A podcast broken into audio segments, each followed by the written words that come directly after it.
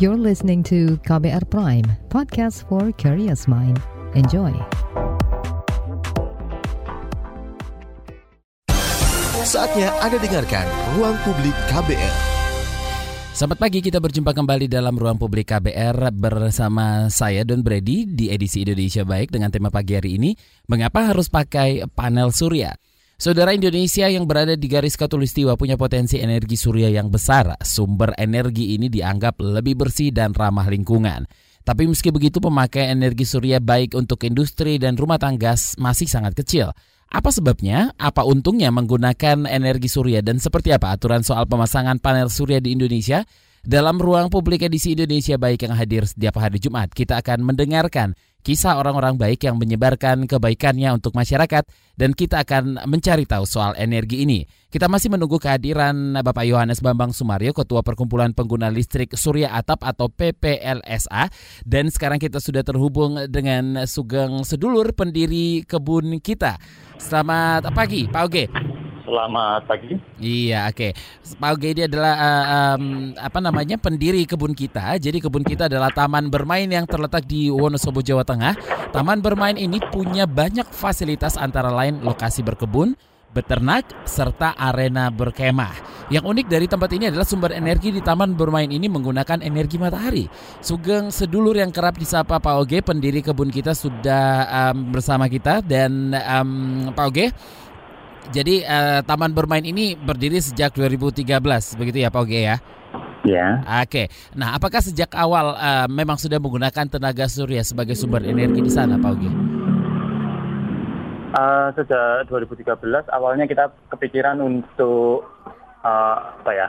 Untuk menggunakan listrik PLN, mm-hmm. tapi karena jaringan kita belum nyampe, jaringan listrik PLN belum nyampe, akhirnya ah. kita uh, beralih ke panel. Waktu itu dengan adik bareng kita cari-cari uh, bagaimana sih cara masang panel dan sebagainya.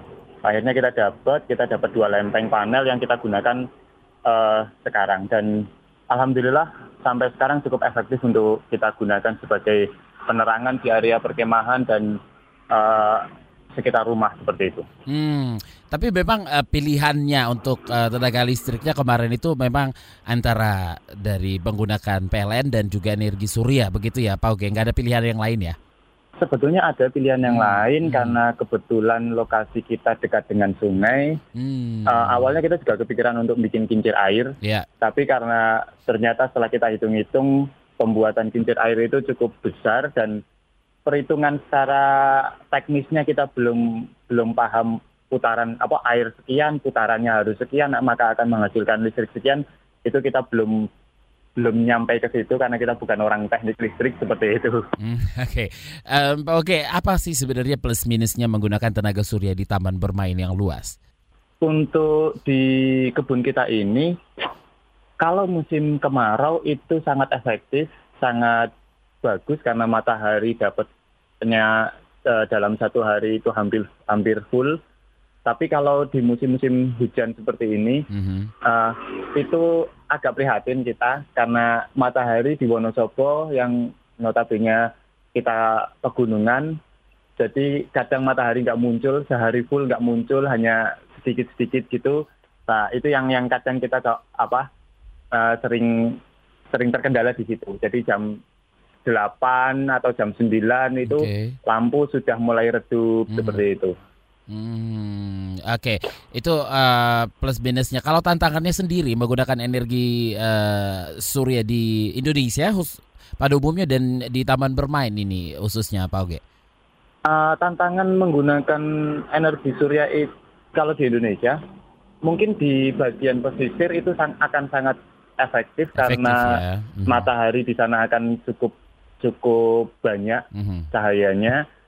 Uh, terus uh, itu energi yang terbarukan, jadi kita sudah tidak perlu nambah sesuatu atau bayar sesuatu untuk untuk operasionalnya hanya perlu perawatan-perawatan kecil, misalkan hanya sekedar uh, membersihkan panelnya atau ngecek kabel dan sebagainya, aki gitu, paling hanya di situ. Hmm, Oke, okay. Um, kalau untuk uh, kisaran biaya awal nih Pak Oge yang dibutuhkan untuk memasang panel surya kira-kira berapa? Dulu kita masang dua lempeng panel yang kekuatannya 100 watt, berarti itu ada dua, jadinya 200 watt. Mhm. Awalnya kita habis dana tiga setengah juta. Hmm. Tapi kalau untuk sekarang itu harga panel sudah mulai turun di kisaran satu juta per lempengnya. Jadi akan lebih murah, akan lebih efektif. Uh, misalkan untuk satu rumah itu kita punya sekitar sekitar 8 sampai 10 lempeng saja itu sudah bisa untuk untuk apa ya? untuk dikonsumsi untuk rumah seperti itu. Hmm. Seperti kita uh, mungkin TV bisa, mungkin yang lainnya bisa gitu. Oke. Eh, kalau sejak 2013 sudah pernah ganti apa namanya tadi istilahnya lempeng seperti itu ya Pak Oge ya? Uh, iya. Eh, sudah pernah diganti atau memang itu cukup untuk 10 tahun atau gimana? Alhamdulillah sampai sekarang untuk lempengnya sendiri, lempeng panelnya sendiri kita belum ada masalah. Oke. Hanya di aki yang kita pernah bermasalah karena apa? sempat mengalami musim apa? musim hujan yang yang panjang. Iya. Terus uh, si aki ini sampai istilahnya apa ya? Istilahnya sewak seperti itu karena kita paksa untuk untuk bekerja. Mhm. Nah, itu hanya hanya perlu kita ganti air akinya, kita bawa ke tukang servis, ganti air aki sama di setrum ulang seperti itu. Hmm. Nah, tadi masuk eh, Pak Oge juga sudah singgung soal hujan. Nah, solusinya kalau musim hujan saat ini yang dilakukan untuk mencukupi kebutuhan listrik seperti apa nih Pak Oge?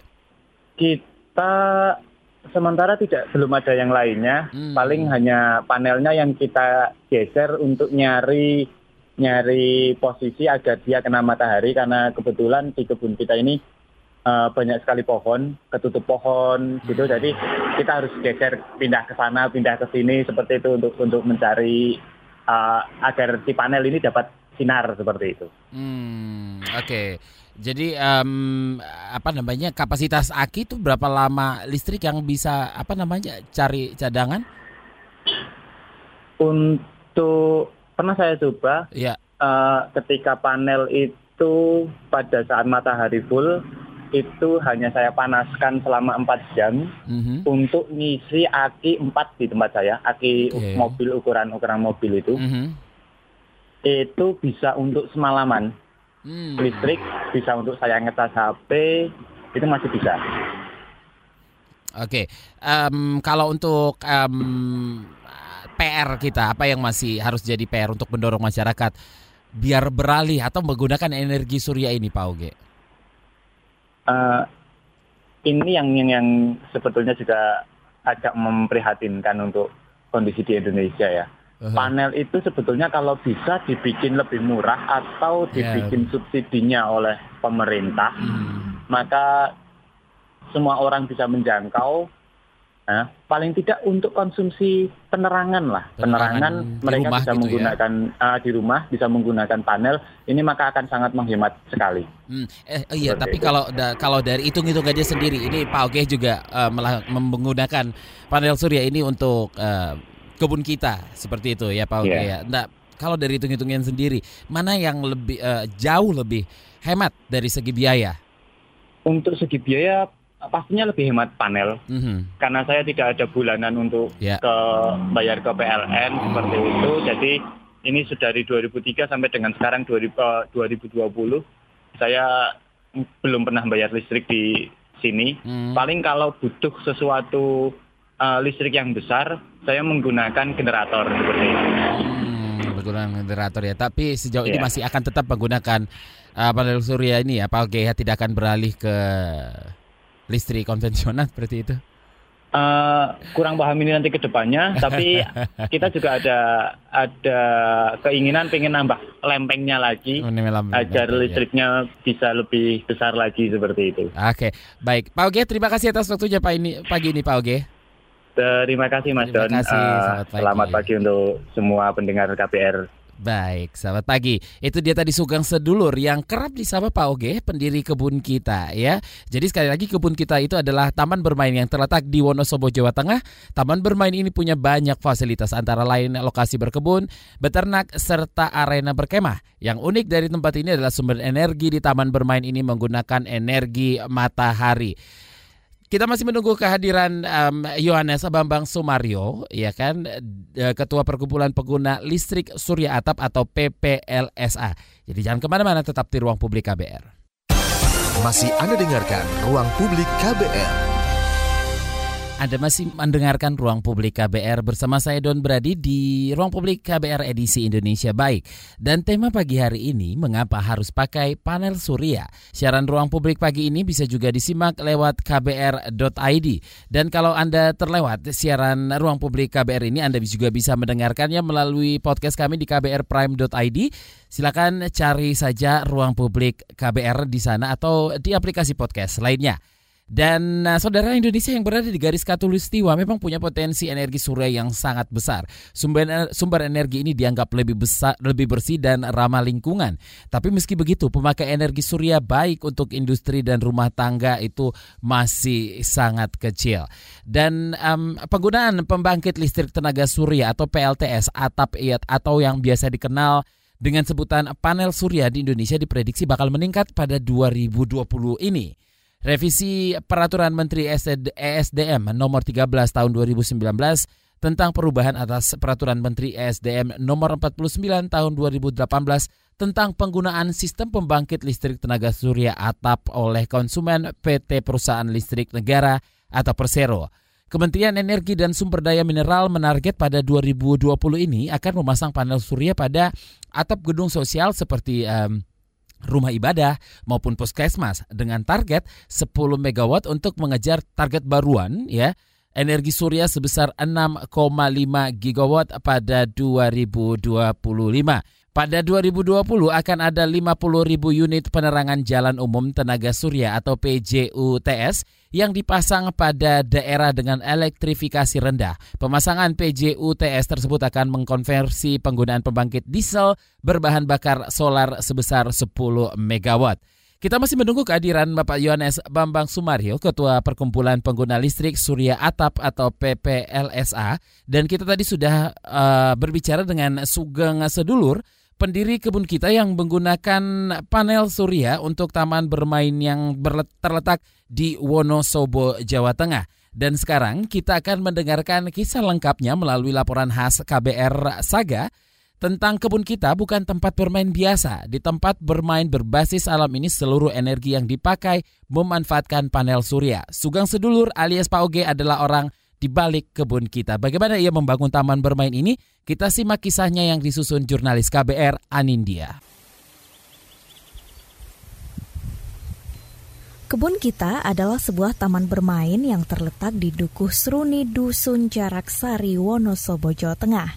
Didirikan pada 2013 silam, taman bermain seluas 2000 meter persegi ini punya banyak fasilitas, seperti lokasi berkebun, beternak, flying fox, jembatan tali, serta arena berkemah. Bedanya, seluruh energi di taman bermain ini menggunakan energi matahari.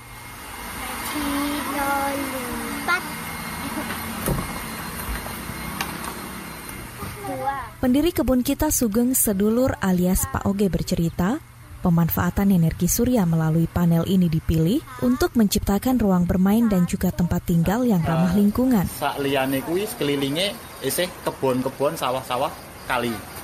Nah, terus uh, meh mengajukan listrik ning PLN karena isih ngulur kabel, lebare isih bulanan bayar PLN dan sebagainya, jadi diputuskan kita nganggone panel. Panel surya karo adik kita kehabisan tempat bermain yuk pengen bikin tempat bermain sendiri gawe kayak laboratorium bermodalkan dua lempeng pembangkit listrik tenaga surya dengan daya 100 watt kebun kita dibangun energi yang ditampung ke panel dikonversi dan disalurkan ke inverter yang mengubah menjadi aliran listrik Energi dari matahari yang diolah inilah yang mampu menerangi kebun dan tempat tinggal Pak Oge. 13, 14, 15, 16. 16 lampu solar panel. 16 lampu pakai solar panel. Masing-masing rata-rata 9 watt sampai 20 watt. Menuju kebun kita hanya dibutuhkan waktu 15 menit dari pusat Kabupaten Wonosobo. Setiap pengunjung yang datang akan dikenalkan dengan energi surya yang dipakai sebagai listrik utama di kebun ini. Jadi dulu misalkan apa mereka datang disambut, nah kita karo ke bahwa di sini listriknya masih kita masihnya pakai panel, jadi terbatas. Delok apa bentuk panelnya seperti apa, sistemnya sampai nyambungin nang aki, untuk keluar jadi lampu seperti apa. Pemanfaatan solar panel di kebun kita biasa digunakan saat outbound, menyiram tanaman, memasak, berkemah, dan beragam kegiatan yang membutuhkan tenaga listrik. Jadi untuk pemanfaatan solar panel di kebun kita, selain sehari-harinya kita gunakan untuk penerangan atau lampu, kita juga memanfaatkan untuk menggunakan kompresor yang 12 volt. Terus kita juga ada pompa air kecil 12 volt juga yang mana kadang kita gunakan untuk menyirami tanaman ketika di musim kemarau. Oh, Pemanfaatan energi baru terbarukan dari sinar matahari di kebun kita menarik perhatian banyak pengunjung, tak terkecuali warga dari desa lain.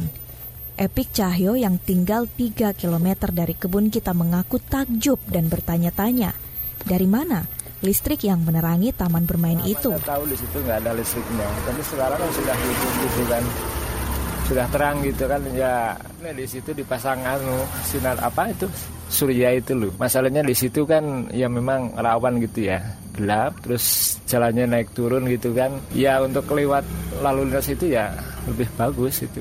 Pak Oge punya harapan pemerintah bisa ikut andil dalam pengadaan solar panel agar masyarakat tidak bergantung pada energi fosil yang memiliki dampak negatif pada lingkungan. Pemerintah kok bisa bikin subsidi panel, bis luar biasa gitu. Berarti uh, energi terbarukan selalu ada, masyarakat lebih mandiri untuk kehidupan mereka sendiri ya. Paling kan misalkan sekop panel wae masyarakat sudah bisa beli.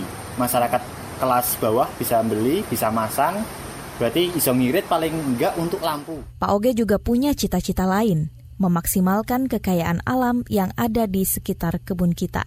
Salah satunya sungai yang berada tepat di depan rumah. Ia ingin membangun kincir air untuk menghasilkan listrik dengan kapasitas daya yang lebih besar. Yang ngenangan punya cita-cita pengen bikin kincir juga untuk alternatif suplai listrik uh, yang lain menurut ini ngono cuma kebentur modal karo karena basicnya bukan orang listrik dan bukan orang teknik ngitung iki debit air sekian kudune kincire gedene seberapa putarannya harus berapa perbandingannya kuwi durung Demikian saga yang disusun jurnalis KBR Anindya. Saya Friska Kalia. Terima kasih sudah mendengarkan. Itu tadi cerita laporan khas KBR Saga tentang Sugeng Sedulur pendiri kebun kita yang menggunakan energi panel surya di kebun bermainnya pendiri kebun kita maksud saya ya. Dan nanti kita akan terhubung dengan Verena Puspawardani Direktur Program Koaksi Indonesia atau Coaction Indonesia dan juga Yohanes Bambang Sumario Ketua Perkumpulan Pengguna Listrik Surya Atap. Masih Anda dengarkan Ruang Publik KBR. Anda masih mendengarkan Ruang Publik KBR bersama saya Don Brady. Tema kita pagi ini adalah mengapa harus pakai panel surya. Dan kita sudah kedatangan Yohanes Bambang Sumario, Ketua Perkumpulan Pengguna Listrik Surya Atap atau PPLSA. Pak Yohanes, selamat pagi. Selamat pagi. Saya panggilnya Pak Yohanes, Pak Bambang, Pak Sumario. Uh, boleh siapa aja. Boleh siapa aja. Oke Pak.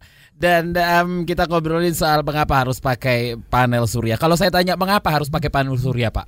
Uh, Kenapa? Hmm. Karena uh, pada saat ini kan kita sudah mulai memasuki yang namanya uh, climate change itu ya. Hmm. Dan uh, panel surya ini uh, salah satu usaha untuk mencoba mengerem adanya uh, pemanasan global itu okay. ya. Jadi ya kita harus mulai sekarang. Kapan lagi kalau nggak sekarang? Hmm, kapan lagi kalau nggak sekarang? Hmm. Tapi jumlah pengguna listrik surya atap di Indonesia itu sangat kecil. Itu kenapa, Pak? Uh, masih sangat kecil ya, betul. Kita total install capacity itu masih di bawah 200 mega ya. Uh -huh. Jadi untuk ASEAN saja kita termasuk negara yang paling rendah.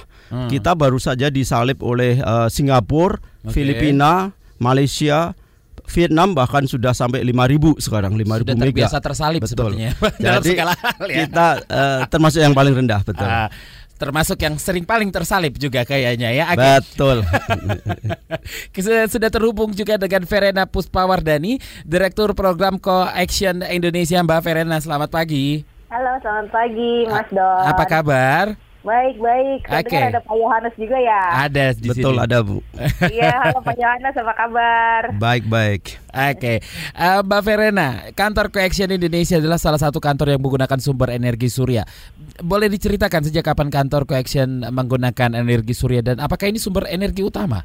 Eh, kami baru banget ya eh, masangnya karena Hmm. eh, sebenarnya inisiatif memasang panel surya itu karena kami kan CSO yang bergerak di energi terbarukan.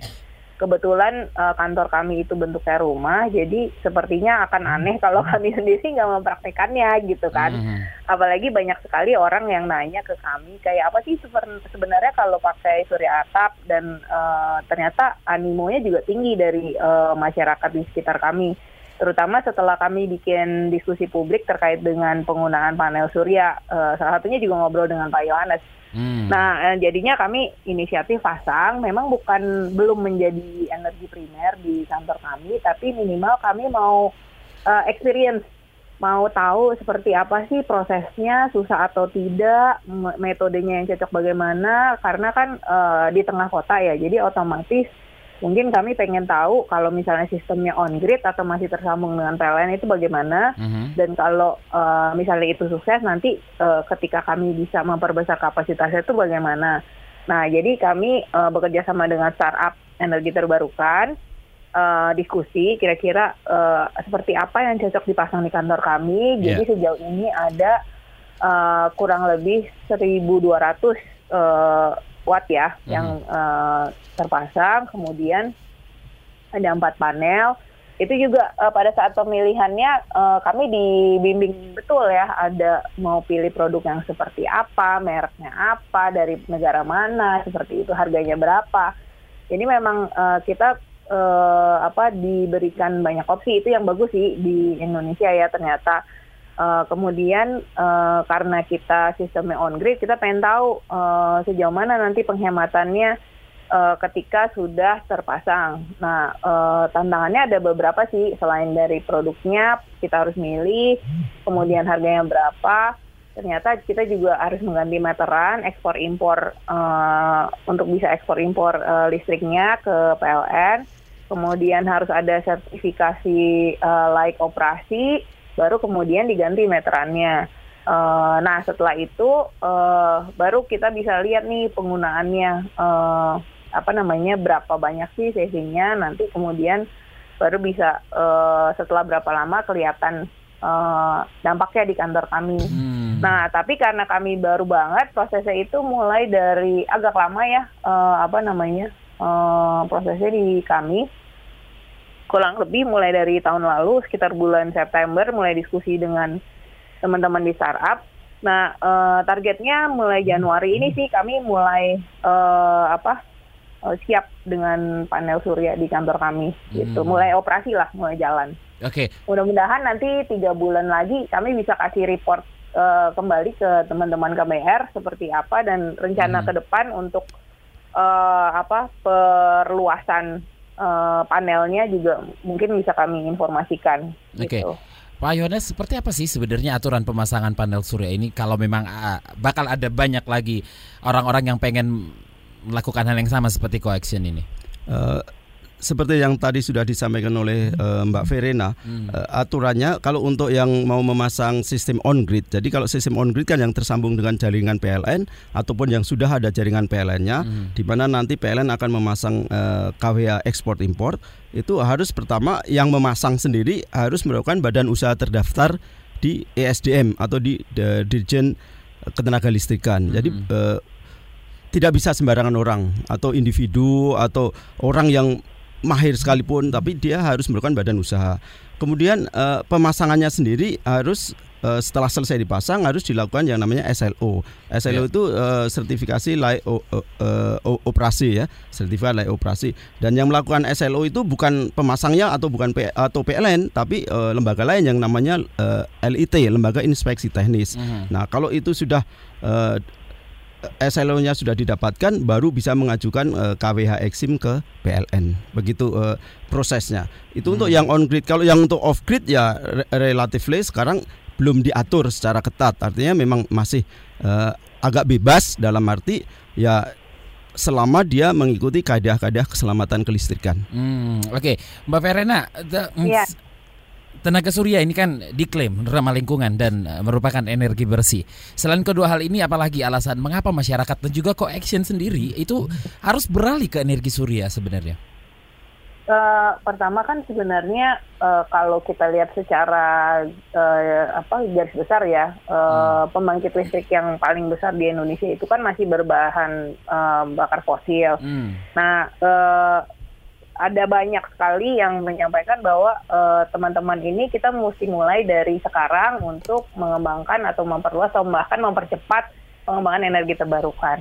Tapi kalau selamanya energi terbarukan menjadi eh, alternatif, dia tidak akan mungkin menggantikan energi eh, fosil gitu. Hmm. Jadi akan lebih bagus justru energi terbarukan itu mulai dari sekarang diupayakan bagaimana supaya dia bisa menggantikan base load atau pembangkit listrik yang sekarang ini masih kebanyakan batu bara. Gimana caranya ya berarti teman-teman eh, atau kita semua udah mulai mu- bisa memikirkan nih bagaimana kalau kita sendiri dari pada prakteknya di eh, gedung komersial yang sekarang udah banyak menggunakan terutama di rumah tangga yang notabene eh, potensinya luar biasa besar itu juga udah bisa beralih ke eh, apa eh, pembangkit listrik tenaga surya seperti yang eh, rekan-rekan Pak Yohanes sudah lakukan. Hmm. Dan dari eh, biasanya wacana itu kan harus dibuktikan dengan contoh. Jadi makanya eh, saya mau bergabung dengan teman-teman seperti Pak Yohanes, eh, mengajak teman-teman CSO yang lain supaya oh kalau misalnya memang memungkinkan kenapa kita mulai sendiri dulu gitu. Jadi kita bisa bercerita, oh ternyata gampang, oh ternyata cuma seperti ini. Nah, nanti baru diperbesar lagi. Lama-lama kalau misalnya kita semua sudah siap dengan gerakan yang benar-benar mengubah penggunaan energi terbarukan untuk menggantikan pembangkit listrik eh, yang berbahan bakar fosil, eh, akhirnya jadi eh, apa namanya kita tidak tergantung lagi dengan pembangkit, pembangkit listrik yang eh, berbahan bakar fosil tersebut. Jadi Hmm. sebenarnya eh, apa namanya mindsetnya mulai dari situ sih mas. Tentu saja eh, apa namanya yang eh, perlu kita lakukan juga sebelum kita menggunakan energi terbarukan adalah perilaku hemat energi. Karena Ya. kalau misalnya ketika kita sudah pasang eh, energi terbarukan di rumah, di kantor dan di industri kita, tapi perilaku kita tetap boros eh, listrik juga eh, akan percuma ya. Kurang lebih seperti Hmm, itu. Oke, tapi em, menurut eh, Pak Yohanes dan juga Mbak em, Verena juga, meng- mengapa tingkat penggunaan energi surya dan energi bersih dan ramah lingkungan lainnya di Indonesia itu masih rendah? Apakah karena pemasangannya atau aturan pemasangannya yang masih eh, cukup rumit? Itu apakah ini menjadi salah satu tantangan ke Pak Yohanes dulu mungkin?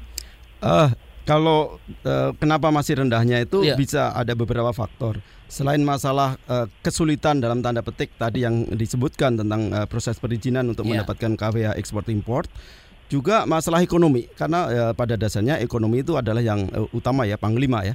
Dan Hmm. dalam konteks ini kalau orang Indonesia itu kalau mengatakan eh, investasi mikirnya itu seperti kalau investasi ternak lele saja itu. Jadi enam bulan atau setahun udah kembali modal. Balik modal. Balik modal dalam enam bulan atau setahun. Sementara dalam eh, PLTS ini mungkin balik modalnya masih antara enam tahun sampai 10 tahun sekarang ini. Hmm. Jadi masih sangat panjang.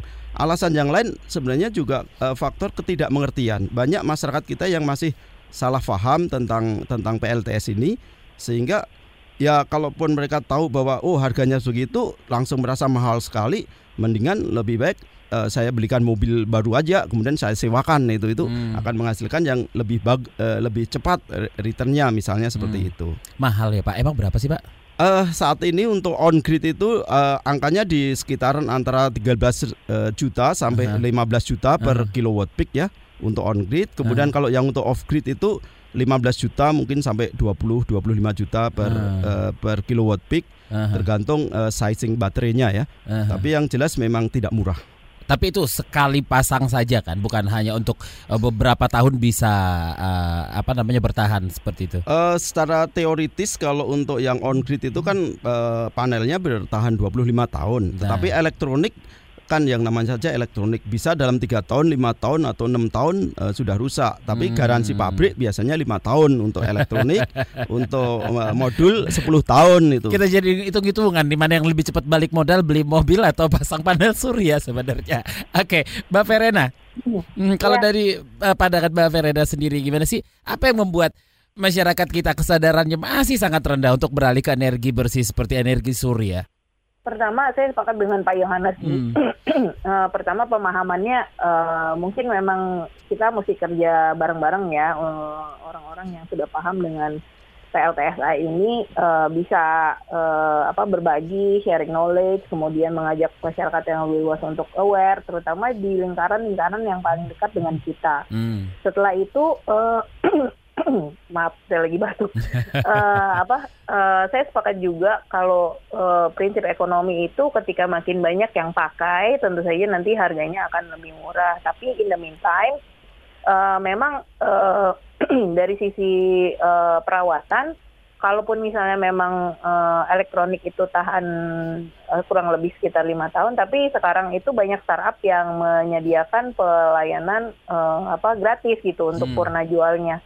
Jadi uh, ini juga untuk menambah uh, apa ya kenyamanan orang untuk menggunakan panel surya di rumahnya.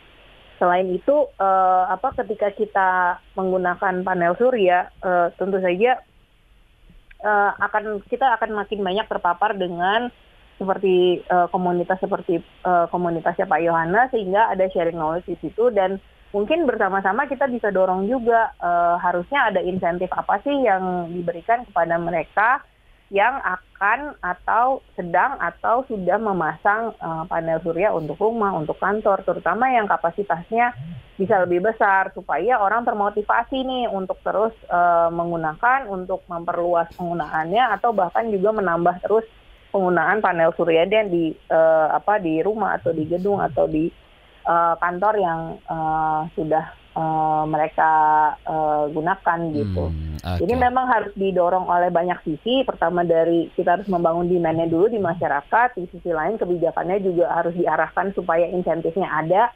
hmm Jadi orang orang misalnya uh, yang sekarang ini kebanyakan pakai impor, uh, mungkin uh, tax impornya diperkecil misalnya seperti itu. Jadi ketika kita mau beli opsinya lebih luas, kita dapat barang yang bagus, kemudian lebih awet, uh, apa pelayanan purna jualnya juga disupport, atau bahkan uh, pemerintah kalau nggak salah punya rencana juga untuk bangun pabrik baterai di Indonesia. Nah, kalau industrinya dibangun di Indonesia kan otomatis akan jauh lebih murah lagi dan makin banyak orang yang pasang.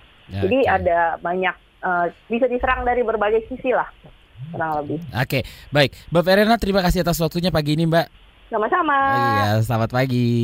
Selamat pagi. Oke, Pak Yones kita harus break dulu. Kita masih ada satu segmen lagi ya Pak ya. Jangan ke mana-mana, tetap di Ruang Publik KBR. Masih Anda dengarkan Ruang Publik KBR. Kita sudah di bagian akhir ruang publik KBR hari ini dan bagi Anda yang tidak sempat mendengarkan siaran ini secara utuh bisa mendengarkannya kembali di podcast kbrprime.id lalu pilih ruang publik. Dan saya masih bersama Yohanes Bambang Sumario, Ketua Perkumpulan Pengguna Listrik Surya Atap atau PPLSA. Oke, Pak Yohanes pada 13 September 2017 lalu setelah dibuat dan disahkan deklarasi Gerakan Nasional Sejuta Surya Atap sudah berjalan um, dua tahun lebih berarti gitu ya Pak. Seperti apa Pak Yohanes melihat gerakan ini dalam mendorong pemakaian panel surya? Uh, selama dua tahun ini memang sudah ada beberapa uh, kategori yang yang tadinya belum tertarik atau belum berminat jadi berminat termasuk keberadaan beberapa startup mm-hmm. yang membantu uh, industri maupun bisnis yang uh, mereka mau memasang. Jadi uh, polanya itu kalau yang bisnis itu ada semua biaya ditanggung oleh si startup mm-hmm. sehingga bisnis ini itu cukup atau pebisnisnya cukup membayar tiap bulan sebesar katakanlah penghematan listrik PLN atau bagaimana seperti nyicil lah kira-kira seperti itu. Itu hmm. sangat membantu. Tetapi untuk yang sektor rumah tangga memang memang hampir hampir belum ada yang pola seperti itu mm-hmm. dan karena adanya perubahan uh, perbedaan harga ekspor impor mulai Januari 2019 kemarin dari satu dibanding satu menjadi 1.065 uh, tingkat pengembalian modal atau paybacknya tuh jadi uh, makin makin lama ya untuk rumah tangga sehingga bagi masyarakat makin agak kurang tertarik sehingga mm-hmm. kalau kita lihat sampai sekarang itu belum ada 2000 itu pelanggan PLN yang yang uh, memasang PLTS atap ini. Hmm. Yang tadinya kita harapkan ya paling nggak tahun pertama bisa 100 ribu dah dari dari satu juta itu kalau diharapkan tahun pertama 100 ribu, tahun kedua 200 ribu dan seterusnya mungkin selama dalam lima tahun akan terpasang satu juta. Mm-hmm. Tapi kenyataannya sekarang boro-boro 100 ribu, kita 2 ribu aja belum ada ini dua tahun ini. ini yang masih okay. menjadi kendala. Berarti untuk tahun 2020 ini seperti apa Anda melihat tren pemakaian energi surya masih uh, seperti itu lagi masih jalan di tempat atau gimana Pak? Uh, ada ada kabar baik okay. Katanya akan ada namanya peraturan presiden hmm. yang yang me, mengatur tentang uh, salah satunya panel surya ini hmm. dalam bentuk uh, pembelian energi listrik dalam bentuk fit in tarif ya. Okay. Dan kita belum tahu fit in tarifnya berapa atau akan menarik atau tidak bagi masyarakat. Tetapi kalau fit, fit in tarif ini ditetapkan, saya kira uh, akan lebih mudah perbankan itu untuk mengucurkan dana untuk pemasukan uh, PLTS atap ini di rumah-rumah warga. Karena kan seperti tadi uh, sudah disampaikan bahwa uh, hamelangan terbesar itu karena biaya ya, karena mahal mm-hmm. yang bisa hampir harga mot satu harga motor ya untuk untuk per kilowatt peaknya untuk, untuk di rumah gitu. Jadi kalaupun kita misal mau pasang 3000 mirip-mirip kita uh, biayanya tiga motor gitu. Hmm. Nah kalau itu semua bisa disediakan oleh perbankan sehingga kita atau masyarakat cukup mencicil tiap bulan ya seperti membayar listrik mungkin ini akan bisa mempercepat. Hmm, Oke, okay. terkait soal uh, perpres ya tadi ya Pak yang akan di uh, sudah atau Perpres sudah kami bahas, hmm. Uh, kami dilibatkan pembahasannya dengan uh, Dijen EBTKE okay. uh, beberapa waktu lalu, uh, stakeholder uh, yang lain juga sudah dilibatkan, tetapi uh, bentuk persisnya akan keluar dalam waktu konon akhir Januari ini. Konon Jadi ya kita Januari. tunggu saja apa bagaimana berapa nilainya ya, ya. dan okay. apakah itu memang sesuai keinginan masyarakat atau tidaknya kita lihat. Nah, terkait soal itu kita bacain WhatsApp dulu ada dari Pingkan di Manado. Saya baru tahu kalau uh, pakai panel surya itu ada aturannya. Saya nggak tahu aturan yang dimaksud dari Mbak Pingkan di Manado ini seperti apa. Mungkin yang disebutkan sebelumnya. Apa itu memang um, tidak bisa dirumuskan agar lebih simple lagi atau selama ini mungkin masyarakat tahunya hanya untuk memasang lempeng di atas atap rumah seperti itu. Tidak harus perlu ada aturannya atau gimana ini, Pak? Uh, seperti tadi disampaikan untuk yang diatur secara ketat itu yang terhubung dengan jaringan PLN atau yang hmm. on grid. Hmm. Kalau yang off grid masih bebas-bebas saja. Bebas ya. Berapapun besarnya, berapapun ukurannya, baik yang kecil cuma 10 watt dipasang di atas untuk uh, penerangan kamar mandi misalnya hmm. atau penerangan jalan atau mau pakai yang ratusan ribu watt mungkin karena uh, berada di kebun dan nggak ada tidak ada jaringan PLN itu semua uh, sampai sekarang ini tidak diatur secara uh, ketat. Oh, okay. Hanya saja uh, aturan keselamatan masih tetap diberlakukan. Artinya hmm aturan SLO sebenarnya masih tetap berlaku walaupun untuk off grid ya untuk yang ukuran-ukuran besar masih tetap diberlakukan. Mm -hmm. Jadi bisa dikatakan untuk ukuran um, rumah tangga itu masih bebas-bebas saja seperti itu ya Pak ya. Betul, untuk hmm. yang tidak terhubung ke uh, jaringan PLN dan ya. tidak terhubung dan dengan tidak jaringan PLN. Oke. Okay. masih masih uh, dibebaskan. Masih dibebaskan. Oke, okay. dari Amanda di Bengkulu. Maaf baru bergabung, saya ingin sekali memasang panel surya untuk rumah kami. Saat ini listrik kami masih gabung ke rumah keluarga yang lain. Kalau boleh tahu, untuk kebutuhan satu rumah itu butuh berapa ya biayanya untuk beli panel surya? Gimana Pak? Uh, secara umum rumah tangga di Indonesia yang tidak menggunakan air condition, jadi untuk hmm. rumah-rumah biasa mungkin satu dua anak, jadi satu keluarga tiga atau empat, sebenarnya seribu watt itu sudah cukup. Hmm. Karena kalau seribu watt itu ekuivalennya, ekuivalen uh, per hari itu sekitar 3 sampai 4 kWh atau hmm. per bulan itu antara 90 sampai 120 kWh hmm. dan itu setara kurang lebih kalau di rumah kita memakai antara 450 atau 900 VA listrik PLN. Hmm, oke. Jadi biayanya ya kalau tadi 1000 eh, watt itu 15 juta, on off, kalau untuk off grid kan 15 sampai 25 ya. Ya mungkin sekitar 20 sampai 25 juta rupiah itu. Hmm, 20 sampai 25 juta rupiah sekali pasang tuh ya, Pak ya. Betul. Per- Untuk pertama kali. Oke. Ya. Hitung-hitungan lagi tuh nanti para pendengar. Tapi nggak bisa dibuat murah gitu, Pak. Eh sebenarnya mahal murah kan itu tergantung peralatan yang dipakai ya. Hmm. Ya, jadi memang eh, Sudah dibayar mahal cepatnya rusak ini- lagi, Pak, nanti. saat ini harga seperti itu tuh sebenarnya sudah harga katakanlah harga harga yang minimal gitu ya. Hmm. Banyak teman-teman yang pasti atau apalagi kalau proyek pemerintah menawarkan dua atau tiga kali lipat dari harga itu. Ah, Tapi oke. pengalaman kami dengan teman-teman kami saat ini harga yang bisa di, di, dilaksanakan yang paling murah sekitar harga itu. Oke, kalau ada eh, masyarakat yang berminat untuk memasang panel surya di rumahnya, siapa yang harus dihubungi pertama kali nih, Pak?